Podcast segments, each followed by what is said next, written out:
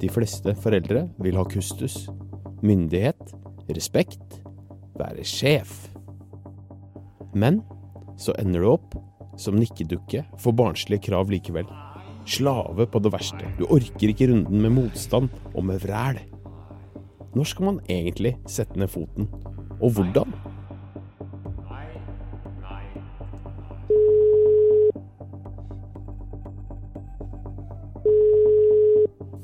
Ja, hallo, det er Anne Grete. Ja, hei du. Hei, hei. Jeg heter eh, Anne Grete, og jeg jobber som uh, pendleder i uh, en barnehage. Og du har gjort deg noen observasjoner, og de sendte du i en mail til oss med overskriften 'diktatorer'. Hva mente du? Ja. det jeg mener med diktator, er at altså det virker som om barn får bestemme veldig mye. Og det, det, ser jo jeg at de drar med seg inn i barnehagen. Jeg uh, opplever f.eks. barn i barnehagen som uh, går ut av leiken når de ser at foreldrene kommer på parkeringsplassen, for da skal de bestemme hvilken port uh, foreldrene skal gå inn. Jeg har også vært borti barn som bestemmer hva slags bil foreldrene skal kjøre når de henter. Og jeg har vært borti foreldre som også tilbyr seg, og de, du ser at de er stressa når de leverer barna for de skal på jobb. Så hadde de med feil matboks, så da kjører vi hjem og henter den riktige matboksen og kommer tilbake i barnehagen og leverer. Og Problemet her er jo at barna lærer seg at det er jeg som bestemmer. Altså, jeg bestemmer når jeg er sammen med mine venner i barnehagen. Så ødelegger det for barna sosialt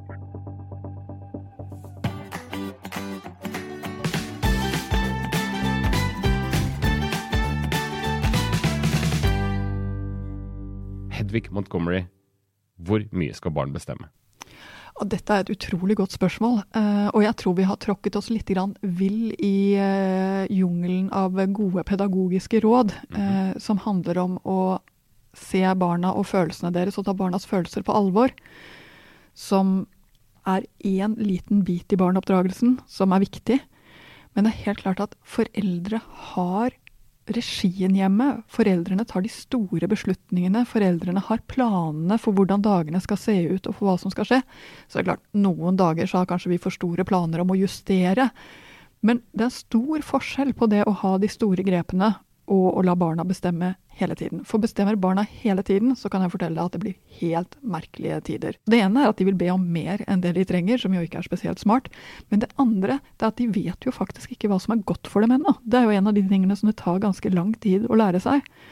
Og lar du barn få lov til å velge nøyaktig hva som skal spises, nøyaktig når det skal legges, nøyaktig hvor mye det skal ses på mm, iPad og TV, Lar du barna få lov til å bestemme hvor mye dere skal gå ut, eller hvor mye dere skal uh, tulle og kile, så vil dere plutselig få en ganske skjev dag. Rett og slett fordi at det å ta den store beslutningen om at vi må innom litt forskjellige poster i dag for at dette skal bli en bra dag, det er en foreldreoppgave. Hva sier foreldre for ofte ja, som uh, vi var inne på, eller som en barnehagepedagog var innom uh, i innledningen her?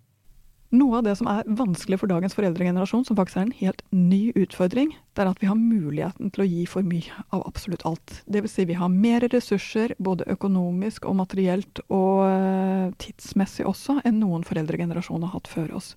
Og det er så tydelig å se på julaften, hvor barna rett og slett har gått lei av julegaver. En tredjedel ut av i oppakningen. Rett og slett fordi det er for mange gaver under treet. Uh, mens besteforeldre kan uh, fornøyd fortelle at det var noe helt annet i deres tid. Da fikk de én kjelke og var fornøyd med det. Mm -hmm. uh, og det er jo faktisk noe som ligger i dette her. Fordi vi kan si så mye ja. Fordi vi kan kjøpe så mye. Fordi vi kan har mer i kjøkkenskapet enn bare den ene middagen vi har satt frem, så har vi hele tiden mulighet til å gi mer. Og vi får ikke den drahjelpen i å si 'beklager, vennen', dette er det vi har til middag. Vi har ikke noe annet. Vi får ikke den drahjelpen i å si jeg vet at du ønsker deg så mye, men dette er det jeg kan kjøpe til deg. Uh, og det gjør at vi havner i en mye Altså vi får ikke noe backing av mm. vår egen økonomi, hvis du skjønner, ja. uh, i disse forhandlingssituasjonene. Uh, som gjør det mye vanskeligere. Og så er det også klart at det å si nei krever jo noen ting. Hvis du sier ja, så er problemet løst. Men hvis du sier vet du hva, Jeg vet at du gjerne vil ha det, men dessverre, det går ikke. Så kommer barnet til å bli skuffet, og så blir det litt sutring, og så blir det litt sånn, og så må du gjennom den der runden av å trøste og, og hjelpe opp igjen, og så få barnet til å se at det går helt fint. Og så er det balanse igjen. Men det tar jo lengre tid, ikke sant. Mm. Eh, og det, vi voksne er jo ikke så veldig annerledes, vi. Vi er litt sånn energiøkonomiske. sånn at kan vi bare hoppe rett på balanse, så gjør vi ganske ofte det. Og da blir det mye ja. Og her kommer det som er interessant. Få høre. Det å lære seg å si nei er viktig. Fordi når du bruker ordet nei, det kan jeg ikke, nei, det vil jeg ikke, eller nei, det har jeg ikke tid til, så beskytter du jo ditt personlige rom. Du beskytter din integritet, du beskytter deg sånn som du er. Det vil si at det å si nei er viktig for et menneske for ikke å bli helt spist opp. Du trenger som forelder å si nei for ikke å bli helt spist opp, og barnet trenger å lære seg å si nei for å ikke bli helt spist opp senere i livet. Du vil jo at barnet skal si nei til eh, voksne som ikke vil det noe godt. Eh, til venner som prøver å dra det ut på noen ting de ikke skulle ha vært med på. Vi vil jo at barnet skal holde liksom sin egen ryggrad og sin egen integritet på et eller annet tidspunkt. Og da trenger de jo å lære seg å bruke dette vidunderlige ordet nei. Men det, er det så enkelt? Kan det dras en linje fra at du sier ja til en is, ja til at du kan dra og bade, ja til at du kan dra på lekeland, til at man for ofte sier ja til mye større ting eh, og potensielt farlige ting senere i livet? Det som i hvert fall er viktig, det er at barna trenger å lære seg å si nei på en ålreit måte. De trenger å lære seg hvordan ordet nei brukes uten at det fører til fullstendig kollaps og, og, og sosialt sammenbrudd. Så det vil si at det å lære seg å si nei på en måte som gjør at OK, det kan jeg faktisk si nei til. OK, mamma sier nei til det for at det går ikke akkurat nå. Da kan jeg også si nei til ting som ikke går akkurat nå. Altså, da får vi den der sunne toveisprosessen som barn trenger å lære seg. Så nei er et viktig ord. Men blir du sagt nei til på krenkende, harde måter, på måter som får deg til å føle deg 'hvorfor spurte jeg', eller 'åh, uff', jeg skulle aldri ha bedt om dette, for det ikke Jeg kan ikke be om noen ting. Da blir du jo ikke noe god til å si nei. Hvis de får den der nei-et eh, som er Nei, is, er du helt gæren? Selvfølgelig ikke, det er jo onsdag. Eh, så er ikke det noe uh, er ikke noe forståelig nei. Det blir hardt, det blir uh, voldsomt, det er latterliggjørende. Og barn kan ikke se seg om etter andre foreldre heller, så det blir på en måte dobbeltlåst. Mm. men et nei av typen åh, is.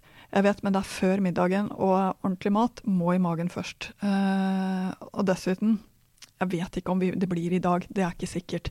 Altså, da er det plutselig et nei som tar den som spør, på alvor, og som er nyttig å få. Ok, Det blir kanskje banalt, men for å følge iseksempelet, kan man ikke bare si nei? Altså Hvis du har fått is hver dag hele sommeren, nå er det høst, nå er det mandag, nå skal vi ha fisk til middag, og så kommer isspørsmålet, er det ikke greit å bare si nei? Da? Det er mye lettere å si vet du hva, vi må spise middag først. Jo, jo, Ja. men, men må man alltid grunngi det så godt? Kan man ikke bare si at nei, så nå er det ikke Nei. Jeg må si at Jo eldre barna blir, jo mer trenger de at de kan være med på nei-et ditt. For det er da de lærer seg mer og mer selv av hvordan de skal bruke nei. Så jo eldre, altså For de minste barna tror jeg bare det er å si ikke, I dag er det ikke is. Eh, ja, men det har vært is alle andre dagene. Ja, men det har vært sommer alle de andre dagene. Nå er det høst. Altså Du må på en måte være med på spørsmålet. Mm. Uh, og det å finne en måte å være med på spørsmålet, er egentlig det jeg sier. Du trenger ikke en kjempelang utlegning, du trenger ikke en superpedagogisk utlegning, men du trenger å gi nei-et på en måte i både kroppsspråk, blikk, holdninger, som er, at, ikke er til å leve med. Som ikke føles eh, for hard eller for invaderende eller for ja, rett og slett latterliggjørende. Hvis man tar innetider som et eksempel, da, for å liksom ikke bare holde oss på isstadiet her, hva, hva, hvordan skal man egentlig si fra om det på en god måte? At det er klokken ti. Eh, ja, men alle andre får lov til å være ute til halv elleve. Så må jeg bare for det første si det kan være sant, eller det kan ikke være sant. Og det er faktisk interessant forskjell. Fordi hvis det er sant at de andre får lov til å være ute til halv elleve, så kan det bety at vårt barn ikke får noen å gå hjem sammen med.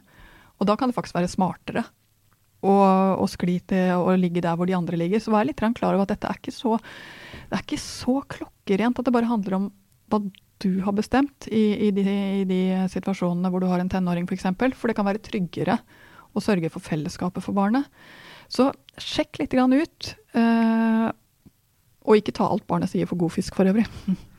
Eh, for det er ikke heller poenget. Men poenget er du må finne løsninger som passer for barnet, og som også passer for dere. Og det er jo en ting som er litt interessant, fordi hva man sier nei til er ganske forskjellig fra familie til familie. I noen familier så er det kjempeviktig at barna ikke skitner seg til. Det er liksom det som, uh, som, er viktig. I andre familier så er det viktig at barna spiser all slags mat. Og i noen familier så er det viktig at de ikke snakker for høyt, eller at de ikke ler for høyt. Altså det er så mye forskjellig som Det har noe med kultur å, å gjøre. Og er egentlig mye mer personlig enn det vi later som. Det største feltet hvor det er vanskelig å sette grenser i dag, er selvfølgelig skjerm og dataspill. Ja. Ja. Og grunnen til at det er så vanskelig, er jo fordi det er Det tar jo aldri slutt. Eh, da vi var barn, så var det én TV-kanal, eh, og den hadde sendeslutt etter Kveldsnytt. Eh, det var ikke noe mer å se på. Tidene har jo endret seg så ekstremt med hvor kontinuerlig tilgang det er på underholdning, på stimuli. Mm. Og så vet vi én ting. Det er kjempefint, men barn trenger også ansikt til ansikt. De trenger også å bevege seg, de trenger også å le sammen med noen, de trenger også å være med noen fysisk. Eh, så de kan ikke være inne i denne strømmen hele tiden, og så vil de ha en god dag. De er nødt til å gjøre andre ting også. Og her er det jeg mener med at det å ha det overordnede grepet om dagen Ja, hvis eh, barna har sittet og, og sett på dette etter frokost fordi det har vært ganske praktisk for deg denne søndagen, for da har du kunnet lese avisen og drikke kaffe. Allikevel så må dere ut på et eller annet tidspunkt, og det er disse hovedgrepene som foreldrene må ta. Og det samme med hva er det for noen ting til middag i dag. Det er vår jobb å ha noen overordnede grep som gjør at det er litt forskjellig til middag. Eh, og så er det klart, vi kan ikke bestemme hva barna faktisk putter i munnen. Mm. Der kommer det personlige rommet inn igjen. Så er, Du hører hvor finstemt det er. Det har noen ting med ting vi kan bestemme, ting vi ikke kan bestemme, ting som bør forhandles, ting som ikke kan forhandles. Det er så mange kvaliteter i dette. Men jeg tror helt klart at foreldre i dag har større rom for å si nei jevnt over enn det som blir brukt i mange hjem. Ja, så man har nesten blitt for uh, aktpågivende da, og litt for redd for å sette ned foten fordi man ønsker liksom at barnet skal få en positiv fremdrift eh, fremover og bli anerkjent og bla, bla, bla, for å si det på den måten. For å si det på den måten. Jeg tror nok det. Og så tror jeg også det er én ting til. Det er at ja er jo forelskelsesord. Ja er liksom det første varme Ja, jeg vil ha deg. Ja, jeg liker også å spise gouda. Ja, jeg eh, liker også å sove lenge om morgenen. Alle disse ja-tingene som man har tidlig i forelskelsen. Og så vet vi det om forelskelsen at på et eller annet tidspunkt, ganske nøyaktig etter syv måneder, så snur det i et parforhold. Det vil si at plutselig så trenger man å si vet du hva, jeg trenger å være litt alene i dag, eller jeg er ikke så interessert i den type filmer, eller egentlig så pleier jeg å spise frokostblanding og ikke brødskive til frokost. Altså plutselig begynner man å vise frem litt mer av hvem man egentlig er. Og det er jo da det begynner å vise seg om dette blir kjærlighet eller ikke. om fordi man begynner å vise frem kortene sine. Og det er det som er interessant med nei. Nei er jo å vise frem verdiene sine. Nei er å vise frem hvem er jeg.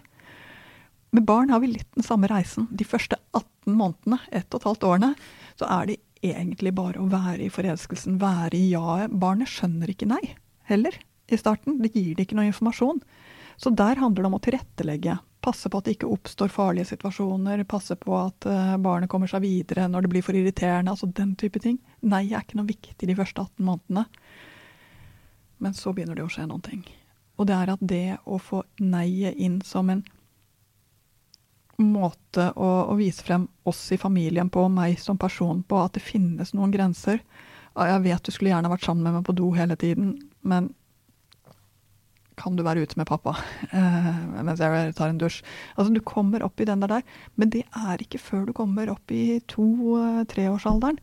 Og da begynner dette å bli viktig for at familien skal fungere, og for at dere ikke skal bli utslitt. For når man sier ja til absolutt allting, alle gode forslag, alt som skjer, så det er klart, du henter og bringer, du blir servitør, og du blir sjåfør, og du blir servicemedarbeider i ditt eget hjem. Og på et eller annet tidspunkt så blir du jo helt utslitt av det. Mm -hmm. Og da kunne man tro at det var bra for barnet. Men det er ikke bra for barnet. Nei. Fordi barn som føler at de sliter ut sine egne foreldre, at de rett og slett er en arbeidsoppgave, Det funker ikke.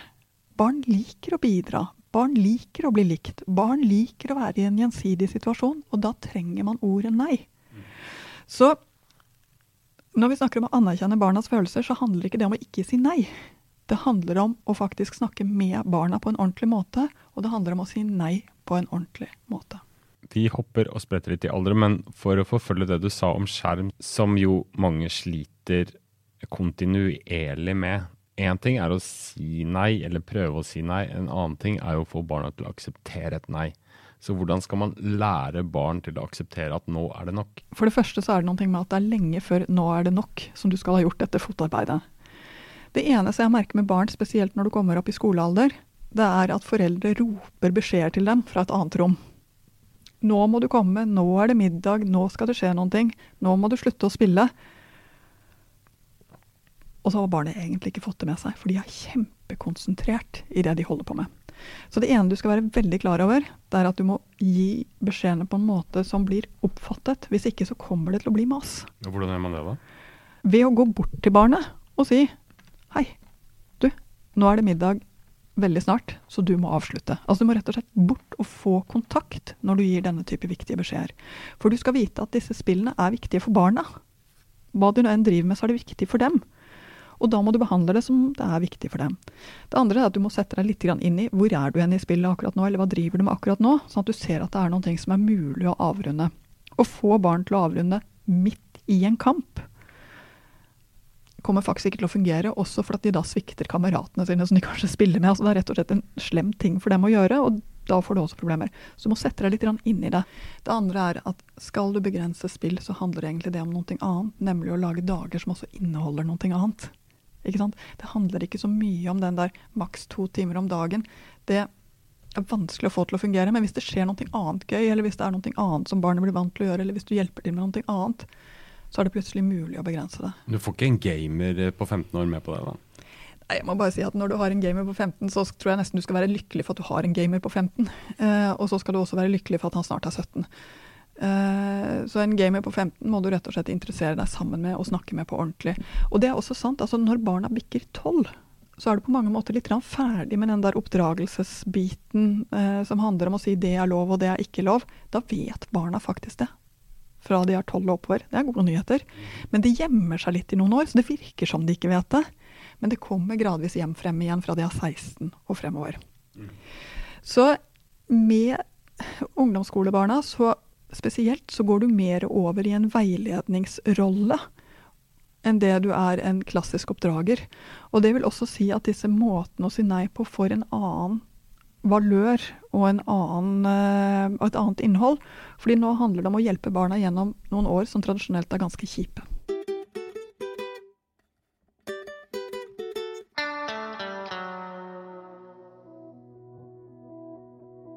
Kan vi få is? Kan vi få et blad? Eh, så kommer de hjem fra skolen. Kan vi dra på fotballbanen? Kan vi dra til venner? Kan vi ha med noen hjem? Eh, det er så innmari mye å ta stilling til hele dagen. Så da blir jeg litt sliten av alle de avgjørelsene som må tas. Jeg heter Karina og jeg har to barn på fem og åtte år. Eh, jeg syns det er veldig vanskelig å vite hvor mye barn skal få bestemme.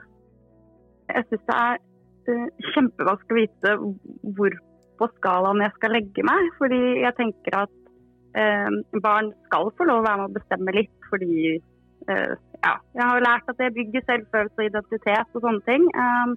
Samtidig så kan jeg da fort bli for ettergivende. Og så på den andre sida igjen så strammer jeg kanskje tøylene litt vel mye da når jeg skal hanke dette inn. Ehm, jeg tror kanskje jeg slites litt mellom kanskje autopiloten i meg, som vel er hvordan jeg selv ble oppdratt, og all kunnskapen der ute. Jeg har hørt mye på foreldrekoden, lest Jesper Juel, jeg vil jo gjerne være en god forelder. Og samtidig så er det jo ikke noe fasit på mine barn. De har ulike behov for hvor grensa skal gå. Jeg føler at jeg alltid er hun strenge, sånn hvis jeg ser rundt meg. da. Eh, alltid streng på skjerm, på kosthold, på leggetid, sånne ting. Så tenkte jeg sånn, nei, søren heller, kanskje jeg bare skal slappe av litt, da. Sånn som folk rundt kanskje antyder litt. Så ga jeg litt etter og lot de få lov å se ganske mye TV. Men jeg opplevde at mine barn ble ganske tussete av det. Eh, og at de våkna tidligere og tidligere om morgenen, spurte kan vi se på barne-TV. Eh, og at det ble vanskeligere med legging, det ble mer uro generelt. At jeg veksler imellom og veit ikke helt hvor jeg skal legge meg. Hva barna mine trenger, hva jeg trenger, hva folk rundt meg mener. Ja. Det er forvirrende, rett og slett.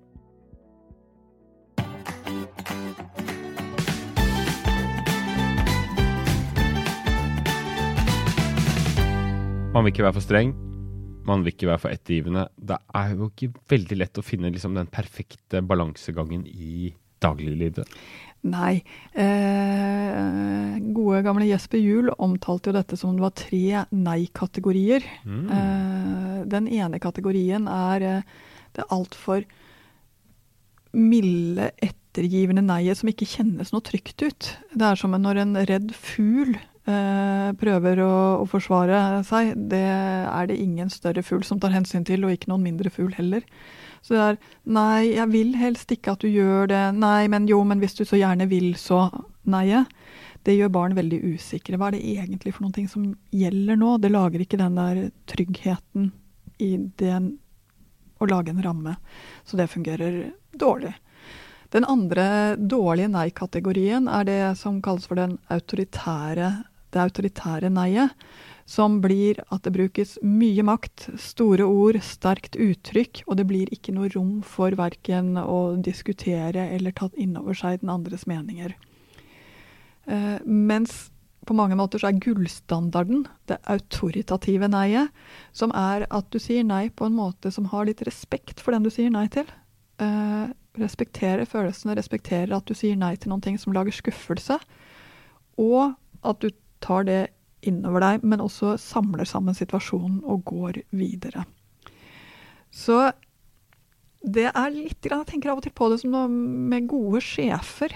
Den sjefen som klarer å få deg til å gjøre litt til til å eh, komme stille opp på jobben en ekstra time, rett og slett fordi han eller hun gjør det på en ålreit måte, spør på en ryddig måte og, eh, og behandler deg på en ålreit måte, er det egentlig er det det vi ser etter når vi ser etter det autoritative nei-et. Når merker man at man sier for mye nei, da? Når du bruker nei på autopilot, rett og slett for at du ikke orker å diskutere eller ikke orker å ta inn over deg. Du ikke engang klarer å heve blikket og se hva er det egentlig eh, han spør om nå, men du sier bare nei for at nå er det bare nok av alt. Det er et nei som kommer på autopilot og fra et dårlig sted. Det andre det er når du uh, sier nei på en måte som Altså, du er ikke interessert i hva var det egentlig som ble spurt om, eller uh, du bare sier nei for at nå har jeg sagt for mye ja. For det er det en del som driver med. De liksom tenker jeg må si nei også, og da kommer det nesten litt sånn tilfeldige neier. Det er jo heller ikke noe trygghet eller noe ramme i det. Du skal si nei når du faktisk mener nei, og når det er grunn til å si nei. Hvis mammaen sier ja, du får lov til å spille spill en time til, mens pappa ikke har fått med seg det, og sier 'nå må du gi deg', sånn som pappa kan gjøre, um, er det et problem? Ja, det må jeg bare si. Eh, pappa kan gjøre det, mamma kan gjøre det. Dette er ongoing business, og det tror jeg skjer i alle hjem.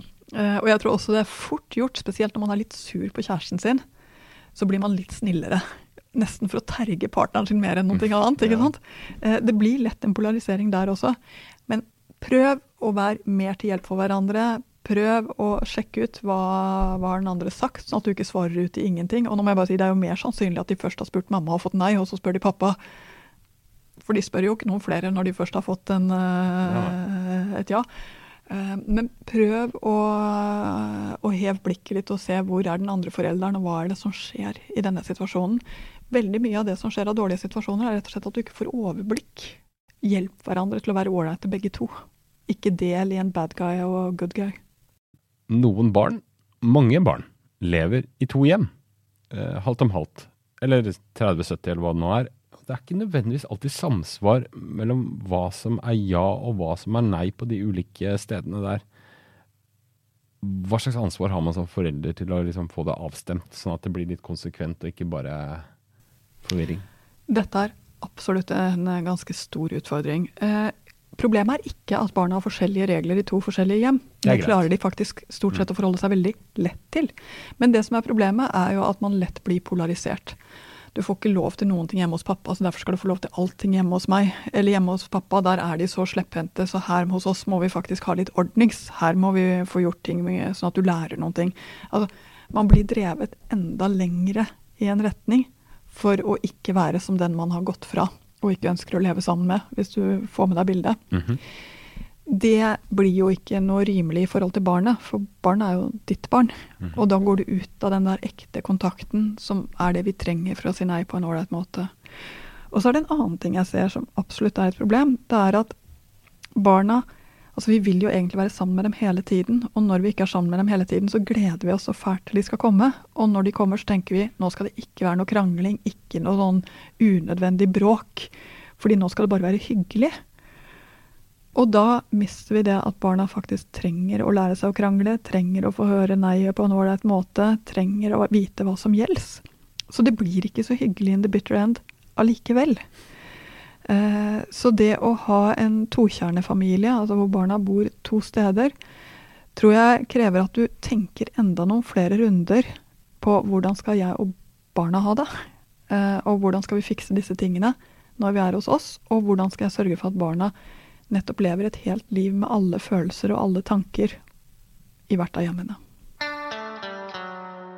Så Hedvig Montgomery, oppsummert, hvordan? Altså, nei er et helt fint ord. Vi trenger ikke å være redde for ordet nei. Det er massevis av kjærlighet i ordet nei. Nei viser hvem du er, viser hva vi kan, viser hva som er mulig. Nei er en veldig mye veiledning i ordet nei. Vi må bare gi det på en måte som gir plass for reaksjonen tilbake, og passe på at vi har tid og ork til å ta imot den reaksjonen tilbake. Da lar vi det være siste ord. Vi håper at vi høres igjen om en uke. Og så kan du godt melde deg inn i Facebook-gruppa vår som heter Foreldrekoden. Der er det mange fine diskusjoner mellom foreldre om ulike aspekter ved barneoppdragelse. Ha det bra.